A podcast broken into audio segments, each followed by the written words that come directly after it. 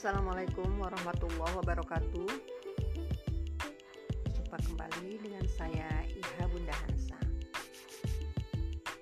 Sahabat muslimah Bagaimana kabarnya? Semoga tetap dalam kondisi sehat walafiat Juga dalam lindungan Allah SWT Baiklah sahabat muslimah Pada menyampaikan tema tentang seputar amal. Kali ini seperti biasa saya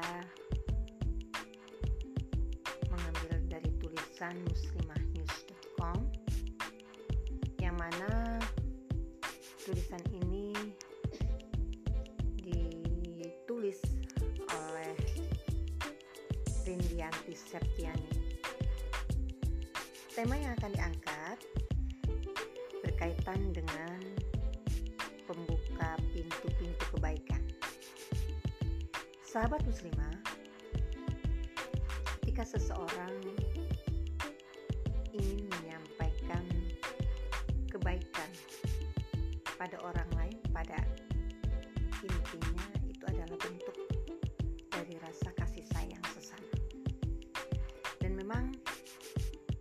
kita menyeru kepada kebaikan itu adalah perintah Allah ya. Sebagaimana juga Rasulullah SAW juga para sahabat tak bosannya dia menyuruh kepada kebaikan. Nah tentunya kita pun ingin digolongkan ke dalam orang-orang yang senantiasa mengajak kebaikan dan mencegah kemungkaran. Nah, sahabat muslimah, di sini saya akan menyampaikan gitu kan bagaimana pintu-pintu kebaikan itu membuka kunci pembuka pintu kebaikan. Setiap muslim tentu bercita-cita mulia menginginkan dirinya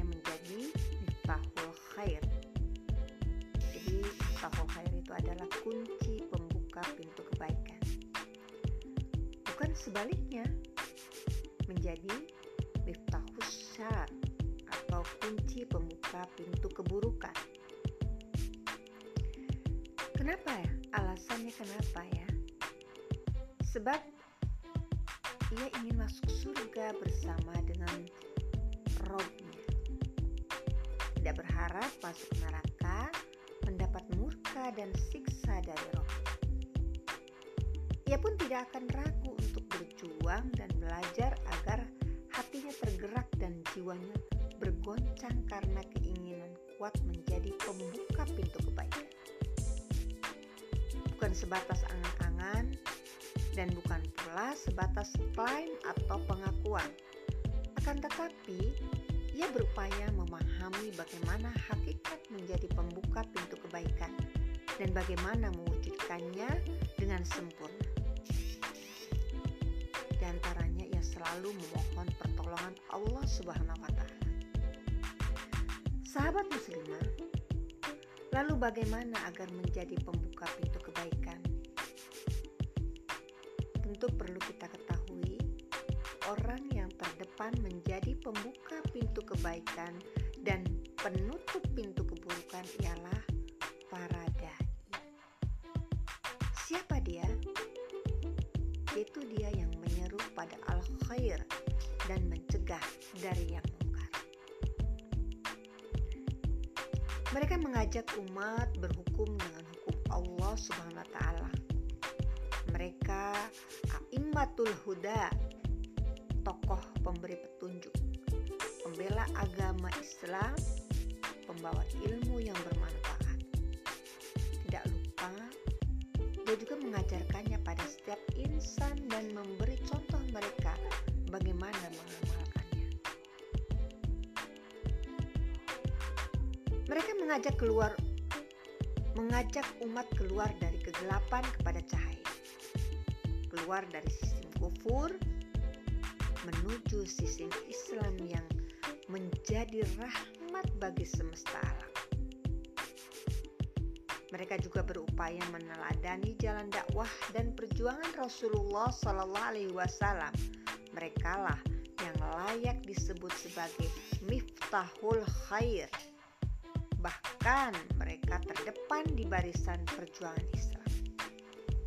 Siapa yang tak akan menginginkan menjadi miftahul khair? Sahabat muslimah, di dalam hadis yang diriwayatkan dari Anas bin Malik radhiyallahu anhu, Rasulullah Shallallahu alaihi wasallam bersabda yang artinya sesungguhnya di antara manusia ada yang menjadi pembuka kebaikan dan penutup pintu keburukan. Dan sesungguhnya di antara manusia juga ada yang menjadi pembuka keburukan dan penutup kebaikan. Berbahagialah orang-orang yang Allah jadikan sebagai pembuka kebaikan melalui tangannya. Hadis riwayat Ibnu Majah. Sahabat muslimah, hadis di atas merupakan hadis yang agung dan maknanya dikuatkan hadis-hadis lainnya sebagaimana ditunjukkan hadis riwayat Abu Hurairah radhiyallahu anhu, Nabi wasallam melewati sekelompok orang yang sedang duduk. Beliau bersabda, beliau Rasulullah SAW bersabda, Maukah aku kabarkan kepada kalian orang yang terbaik di antara yang terburuk di antara kalian? Jadi, orang yang terbaik di antara yang terburuk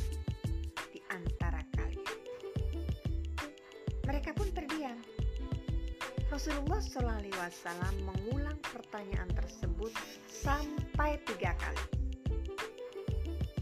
Ya. Maukah aku kabarkan kepada kalian orang yang terbaik di antara yang terburuk di antara kalian? Maukah aku kabarkan kepada kalian orang yang terbaik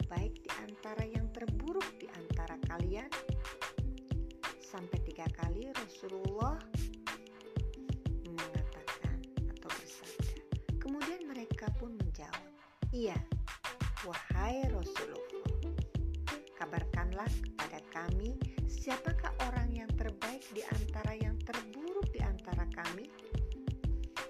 Rasulullah SAW kemudian bersabda, bukti cinta pada Rasulullah Wasallam Rasulullah SAW kemudian bersabda, Manusia terbaik di antara kalian adalah yang diharapkan kebaikannya dan orang lain merasa aman dari gangguannya. Manusia terburuk di antara kalian adalah yang tidak diharapkan kebaikannya dan orang lain juga tidak merasa aman dari gangguannya hadis riwayat Tirmizi. Semakna dengan hadis-hadis di atas adalah hadis yang diriwayatkan dari Abu Musa al Ashari radhiyallahu anhu Rasulullah Shallallahu Alaihi Wasallam bersabda, permisalan sahabat yang saleh, yang soleh, dan sahabat yang buruk itu ibarat seorang penjual minyak wangi dan seorang pandai besi. Penjual minyak wangi bisa jadi akan memberimu minyak wangi atau engkau bisa memberi minyak wangi dari. Dan kalaupun tidak, engkau tetap mendapatkan bau harum darinya. Sedangkan pandai besi bisa jadi percikan apinya mengenai membakar pakaian. Dan kalaupun tidak,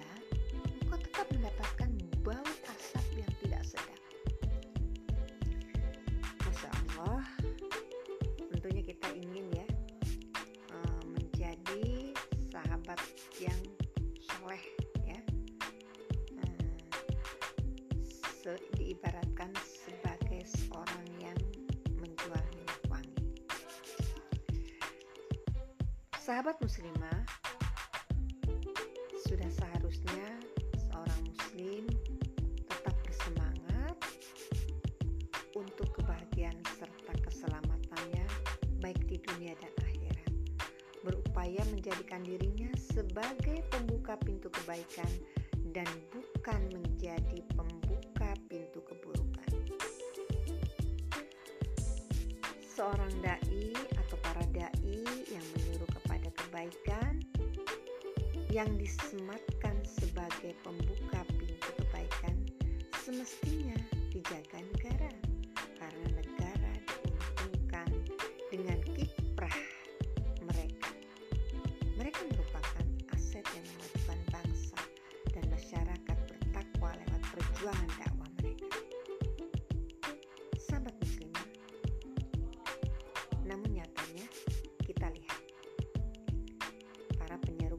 kebaikan ya yang mengajak kepada kebaikan, mengajak kepada Islam tidak luput ya menghadapi berbagai macam hambatan, rintangan, tantangan gitu kan ya.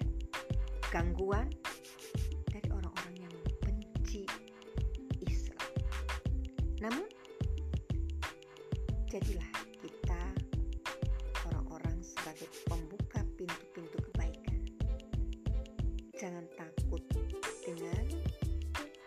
celaan orang-orang yang mencela. Tetaplah istiqomah untuk menyeru kepada kebaikan. Baiklah, sahabat muslimah, semoga bermanfaat. Insya Allah, kita sambung dalam episode yang akan datang. Assalamualaikum warahmatullahi wabarakatuh.